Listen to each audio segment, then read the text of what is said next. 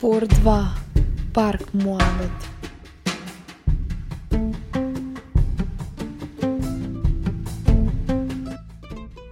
Дали сакаш да те телепортирам?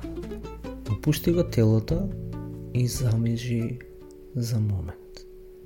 Се разбира, не е препорачливо доколку да го возиш. Затвори ги очите и во себе одговори на прашањето. Како звучи парк?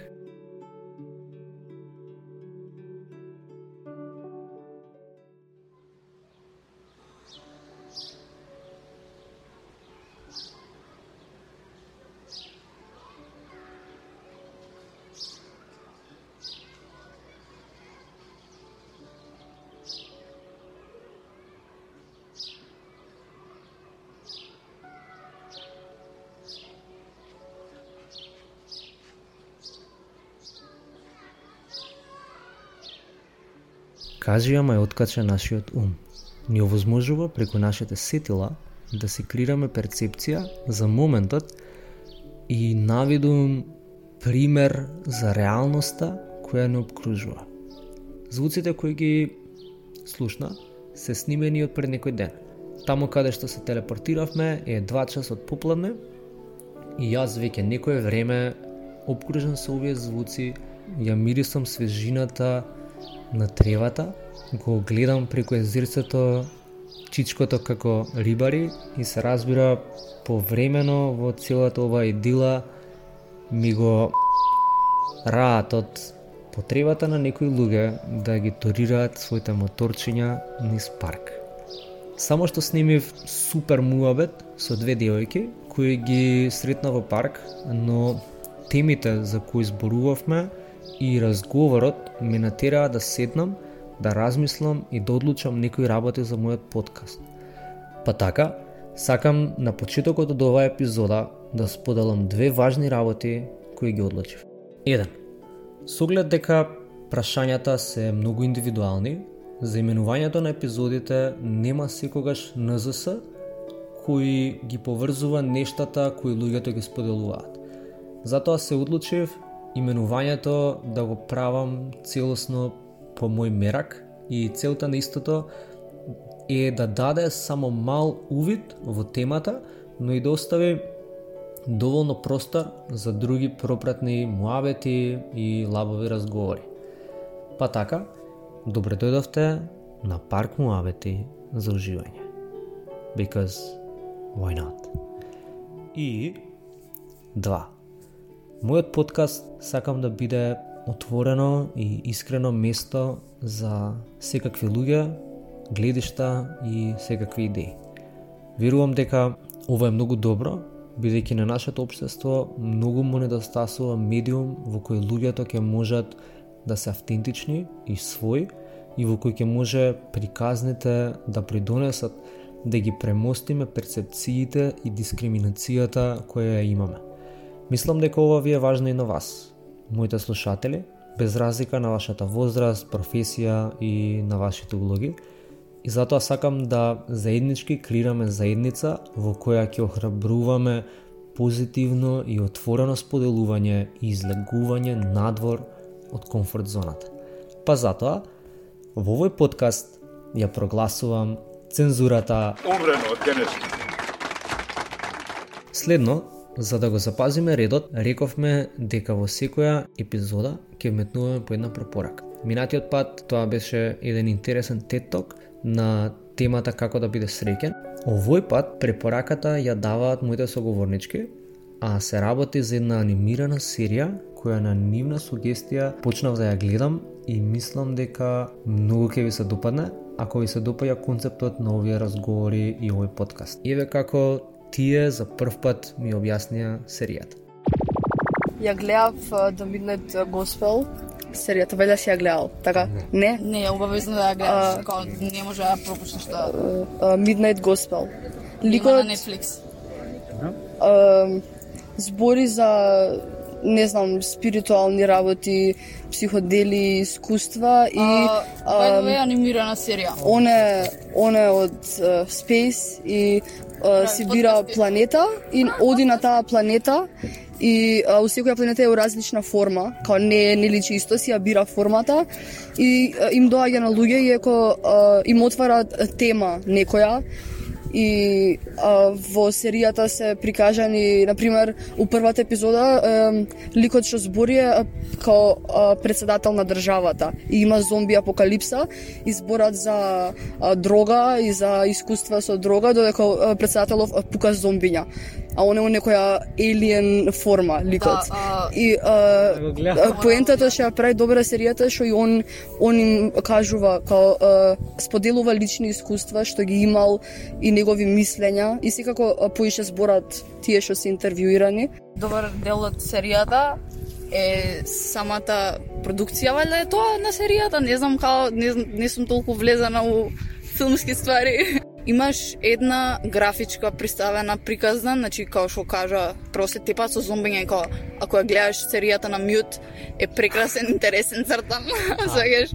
Како е нацртано? Е као Japanese аниме или е Не, амерички не. она стрип А стайл? да, скроз е таква Да. анимирано баш. А, многу слободно анимирано е, као нема прекрасно е. Палетата е а, виолетова со темно сина и портокалова и некои а, као градиенти користат и е цртано онака со со basic геометриски форми отприлика заоблени на на еџезот. Започнуваме со редовната програма. Првото мое прашање е како би се опишал себе си ако не се опишуваш во улогите кои ги живееш секојдневно во животот? Кој си ти надвор од она што го правиш и што го работиш? А јас сум а, смешна и а, креативна а, и добра другарка, а, љубител на музика и уметност, а, љубител на природа и љубител на кафе. А, сакам да возам точак на сонце и да ми се вцрвенат образите. И тоа ми е едно од работите што кога ќе размислам да на што ме прави срекна и што е дел од мене ми текнуваат. А, и имам огромна пасија за филм и сакам да се занимавам со филм. Јас, ако се пресавам, ќе се пресавам као дел од природата, заради тоа што секогаш сакам да бидам дел од нешто што е многу поголемо од секој поединец мисли дека е. Многу сакам природа, многу ми е убаво надвор. Не сакам град, сакам да живеам во село. Се надам дека за некои 10 години ќе ме најдете таму. Вежбајте јога како совет, заради тоа што е прекрасно чувството да бидеш ти само тоа што си ти и тоа што душата сака да биде. Не треба да бидете ништо повеќе од колку да сидите во парк и на вистина се надам дека јас сум тоа. Замисли дека запознаваш дечко кој бил роден и живеел на Марс, како во филмот The Space Between Us. Трагајки по необавите работи кои земјата ги крие, дечкото те прашува, тебе како земјанин, што ти е најумиленото нешто на земјата или на англиски What's your favorite thing on earth? Ова може да биде било што, може да биде чувство, искуство, доживување или некаква форма на постоење. Едноставно, што ти е омиленото нешто на земјата? Ветар. Пошто прави да осеќаш ствари што не може било кој друг да направи да ги осетиш, особено кој е скомбинирано со сонце и особено ти е добро на кожата и на телото и на мозокот. така да не знам на секој човек му треба допир. Такви сме родени на оваа планета Земја, а ветерот ти го нуди тоа без никакви очекувања назад, не знам. Многу е прекрасен. тоа ми е омиленото нешто на земјава.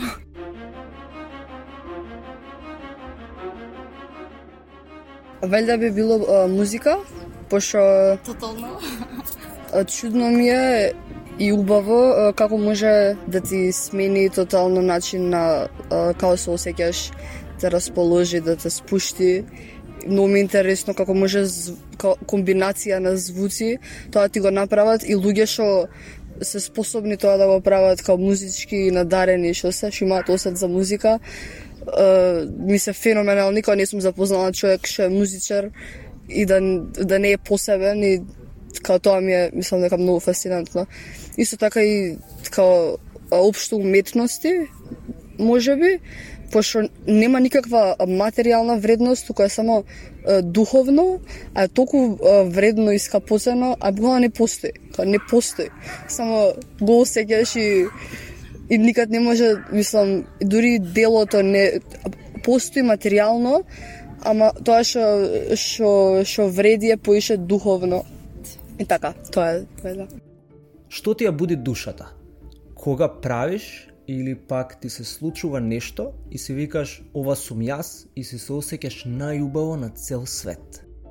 А, ја ќе одам малку просто. Мене ми е а, кога идам негде на плажа, а, на море, као поточно, и ќе влезам у вода, а, и е прежешко, значи негде на кај на кај 2-3, кога да треба да се прибираш, пошто е многу топло, и седиш вода а, два сати, малце си изгорен, искачаш, и легнуваш на лежалка и а, се сушиш и само а, с- а, као провлекуваш низ вегите и ти паѓа сол од вегите и као го осеќаш полека ти влага солта таа уста и си го а и после идеш у а, тушевите што се на плажа со ладна вода и само а, сонцето више почија заоѓа, ти си онака Да. убиен од сонце и целиот си солен, ама и не си, пошто си се исчистил.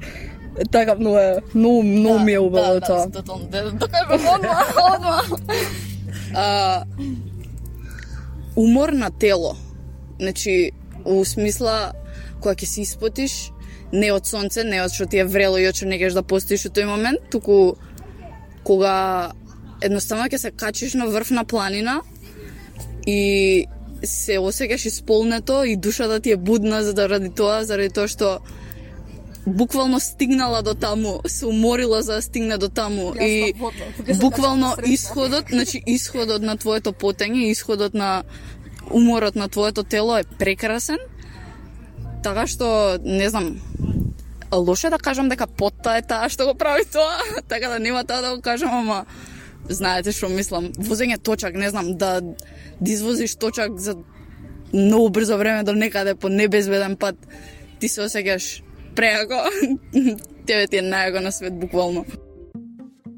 Интермецо. По повод четвртата епизода имаме прашање подготвено за вас, нашата веќе верна публика и заедница. Вашите одговори, доколку милувате, може да ни ги спратите на профилот на Збор 2 на Инстаграм. Прашањето за оваа недела е Кој е омилениот мирис од твоето детство? Зошто токму тој? Продолжуваме. Што е нешто што во целава ситуација со корона ве одржа свесни или будни? Нешто за кое си велите, леле, да не беше ова, ќе откачав скрос. Може да биде, на пример, музика, некој јадење, било што.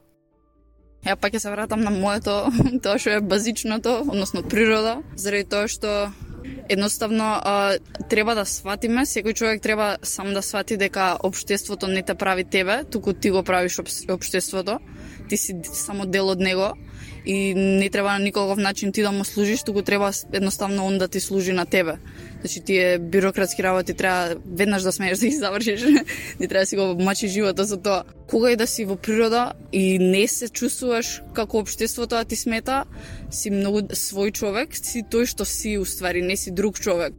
Чувството на слобода, исто така мислам дека е многу битно а, секој да го задржи и секој да го пронајде каде што се чувствува слободен и кога се чувствува слободен и што е тоа што прави да е заробен и веднаш да го тргне тоа од него заради тоа што е, по, од моето искуство мене не ме дирна нешто многу коронава заради тоа што ги имам луѓето што ми требаат околу мене и знам како да се направам среќна во момент каде што не сум. Знам како да не ми пречи и општеството на мене и целата таа корона и пандемија и рестриктивни мерки и се тоа заради тоа што доколку можеш да си го пронајдеш интересот и а било кое време би ти било тебе интересно дури да живееш под земја. Ако знаеш што да правиш со себе, ти ќе се 8 месеци на планина, престани. 8 месеци а, да седиш на планина у време на корона, нормално дека нема да те дирне и плюс да си човек што попрво би лежал во ливада, него ледите на журка, секако дека нема да те дирне. Не, а, да, стварно, стварно се во 8 месеци на планина и стварно тоа ми ја улесни работата, но јас сум сигурна дека утре ако имам можност повторно да седам 8 месеци на планина или пак цел живот ја го направам тоа без разлика на колку журки да можам да отидам во град. Да. А што беше прашањето? А, Што е нешто што те одржа да не полудиш од корона? Што е нака нешто што викаш, не, да не беше ова. Да, да, ми текна, а, трева. дефинитивно, дефинитивно. Од трева на пикник е буквално а, ова што го правиме сега, а, го правевме секој ден лани од кога се деси карантин и а, идевме Само трева во која марихуана а, да ја пушам во ризла.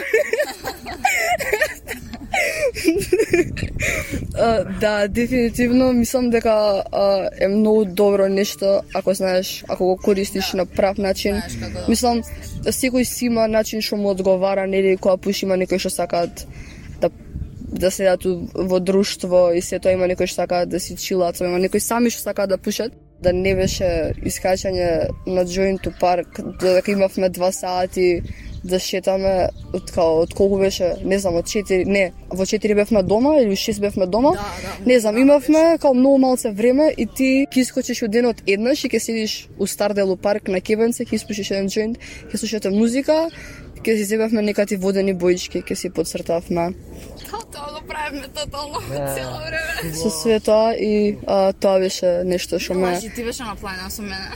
Да, добро. И ја бев, ама не бев 8 месеци. А, Не се 8 претеруваш. Ама а, пак не, а, не може да го пополни моментот да си гушнеш другар на улица без да ти е страв. Како и да е, може беше прекрасно и на момент бев ко а, може би треба ка убаво е вака да живеам и никад нема да се вратам на старото мое а, искачања по со, со денови, журки и све тоа што иде. Ама не не работи така тоа.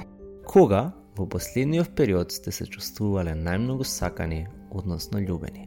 Многу сум сакана, морам да кажам прво тоа. Имам дечко долго време, многу си се сакам и многу ми исполнува, ама конкретниот момент што мене ме разнежни во кризава е мајка ми, односно пред многу скоро време бевме на шопинг после може две години, не знам, и буквално ми трчаше по газот само пошто сакаше да биде присутна и да биде со мене и јас го сватив тоа, се многу лесно го приметив и многу се осетив разнежната и сакана бидејќи на вистина беше прекрасен момент родителот тоа да го направи. Мислам, секој се чувствува горд на самиот себе кога знае дека неговите родители се задоволни од него или и да не се задоволни, дека сепак љубовта е секогаш присутна. Треба да го сватиме тоа и тој момент беше многу убав за мене, не знам, многу нежно се осетив и така.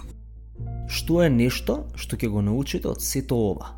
Од пандемијата, од изолацијата, од конекциите со пријателите. Што е број еден лекција со која излегувате од искуството, односно што е нешто за кое велиш ова го научив и цел живот ќе го памтам и ќе ме прати. Отиди таму кај што ќе те викнат да отидеш или нешто што си сакал да направиш и дента сакаш да го направиш или сакаш да го доживееш и се осеќаш кога да не можеш или као ау кој ќе биде таму не ми е убаво као он да биде или она да биде таму нема да одам ради тоа или нема нешто да направам ради некоја глупа причина што тотално не е битна само се осеќаш анксиозен врска со нештото оди само направи го пошто може да е последното последниот пат што ќе можеш и ќе се кажеш ако не го направиш е друг начин. А само ќе го кажам конкретниот момент што треба да се осети валјда. Односно а, се што во моментот те прави задоволен да го направиш во тој истиот момент. Се што мислиш дека тебе ќе ти исполни дека ќе те направи среќен, направи го одма пошто може утре не можеш. Зошто мислите дека луѓето не поставуваат вакви прашања со рандом луѓе? Луѓе имаат бариери у мозокот, само тоа ќе го кажам околу пречувањето да правиш муавет со друг човек. И второто, кога последен пат вие на спонтан начин сте запознале некој? Моменталниот мој дечко и сакан човек Го што го нервирам. Многу спонтано и непланирано во тотално прав момент, да кажам, кој што донесе многу убави промени во мојот живот. А, Самиот процес на запознавање и на дружба понатака а, беше многу непланиран и непредвидлив. И заради тоа мислам дека ми е едно од побавите искуства. Možda nisam naljutao mnogo, ne Ti iskajba. А само што искочив од од изолација, првиот ден надвор, се договорив со една другарка да се видам и она рече ќе дојдат уште две типки и само многу почнавме да се дружиме. Мислам, колку што имаше добри работи од тоа, имаше и лоши а, за краток временски период и колку што ми направи убаво, ми направи лошо, ама дефинитивно ми беше као битно искуство и лекција за многу работи и ме направи да ги ценам луѓето што ги имам више у животот и колку е тешко да запознаеш некој добар и колку ствари не знаеш што му се врти на некој низ глава. Во следниот дел од интервјуто, девојките имаа можност да ме постават мене прашање за ваква работа што ја практикуваш, треба многу храброст и до некаде само доверба, Па од каде ти е таа инспирација за ова го правиш? И што е тоа што те поттигна и ти ти ја даде таа храброст? На вистина почнеш да го правиш пошто верувам дека многу луѓе имаат некои вакви чудни ама добри идеи но голем процент од тие луѓе едноставно се плашат и секој што станува само идеја никогаш не е реализирано пошто тоа натера да го реализираш ова. Првите луѓе што ги прашав кажаа да и тоа ми даде буст онака да дојдам и вторите да ги прашам. Ова уште толку ми дава буст за да отидам и третите.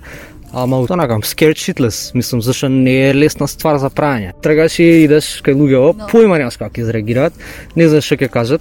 Во Македонија си и малце така, не е, не е баш лесна работа за правење, ама зошто ја правам? Нешто што го сватив у коронава, седејќи на кауч со круг на мои пријатели, сватив дека поголемиот дел на разговорите во мојот живот се повторуваат. Поголемиот дел од тие разговори не успел да разбрано, не змени да стигне до нешто јас сад да сознам ново за себе или за да се чувствувам многу побаво. Поголемиот дел од тие разговори се онакви дешавки, ситуации, оговарања, ствари, се mundane conversations. И да, инспирирано тоа, решив да да направам еден проект што се вика Збор 2. Идејата за проектот е да додам вака со луѓе, ама и да дизајнирам игра со прашања кој што би можел да дадам на луѓе. Да, и успеам да ги потикнем луѓето малку други разговори да имаат. И многу луѓе кои што се знаат, пример преска, трите девојки со кои што зборов, тие се пријателки можеби 10 години, а некои ствари што се ги кажа, прв пат се ги кажа една на друга. И баш беше убаво нака зборува за другарство, за дека најпозитивната работа што им се случила е тоа што се си имале една со друга, а не си го кажале до сега, а сите го знаеле.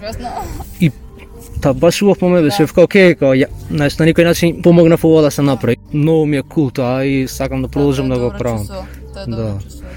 А дали мислиш дека а, ќе изгубиш а, надеж во луѓето откако ќе го завршиш овој експеримент, пошто баш ради причините што ги кажан за реакциите нивни и што муабети ќе ти направат. Дали мислиш дека на крај ќе се осетиш позитивно, као луѓево е окей се сите и види ги како размислуваат, пошто не верувам дека сите би направиле муабет кој што се направи сега, кој ќе им спомнеш корона и изолација и дали се исти и како се осеќаат Ја планирам за два месеци да се одселам од тука, планирам да одам за Шпанија и една од причините сакам се гледам у Шпанија тогаш.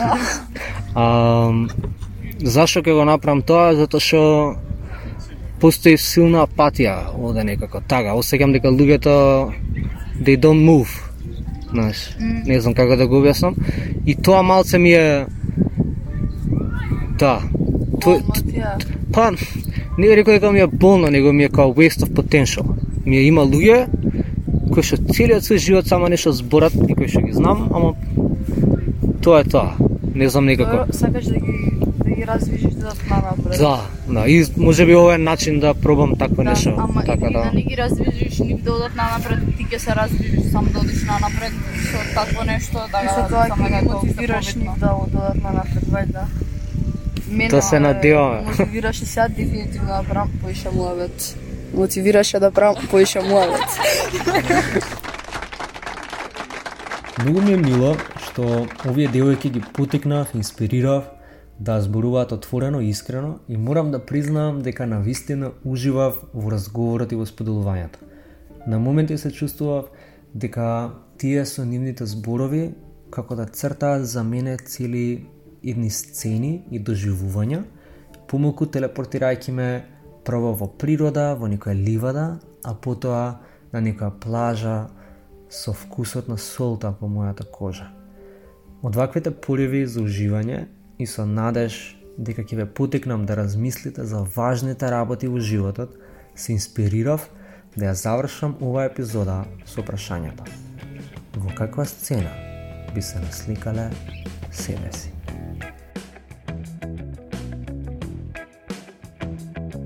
Многу сум среќен што го слуша целиот подкаст. Ако сакаш да помогнеш во создавањето на приказната наречена Збор 2, тогаш те молам сподели го овој подкаст со твоите пријатели и кажи им за типчето кој зборува со рандом луѓе во парк. Можеби некој од нив ќе биде отворен за да си направиме убав муабет и да се посмееме. Во следните епизоди, како и низ скупските улици, семафори и култни места, ќе дознаеш и за други начини на кои ќе може да се вклучиш во проектот. До тогаш, запраши се, дали го поставуваш вистинското прашање. Имате можност да пуштите некаков шаут-аут во етер. Што би кажале? Видете среќни со со саканите. Да, уживајте. со саканите. Хит на неделата на Радио 2. Вежбете го, да. Вежбете го. А, не- И не мора вежбате го, вежбете си го телото. Што ќе ви биде телото ви е само слуга, ништо повеќе. Тоа е тоа.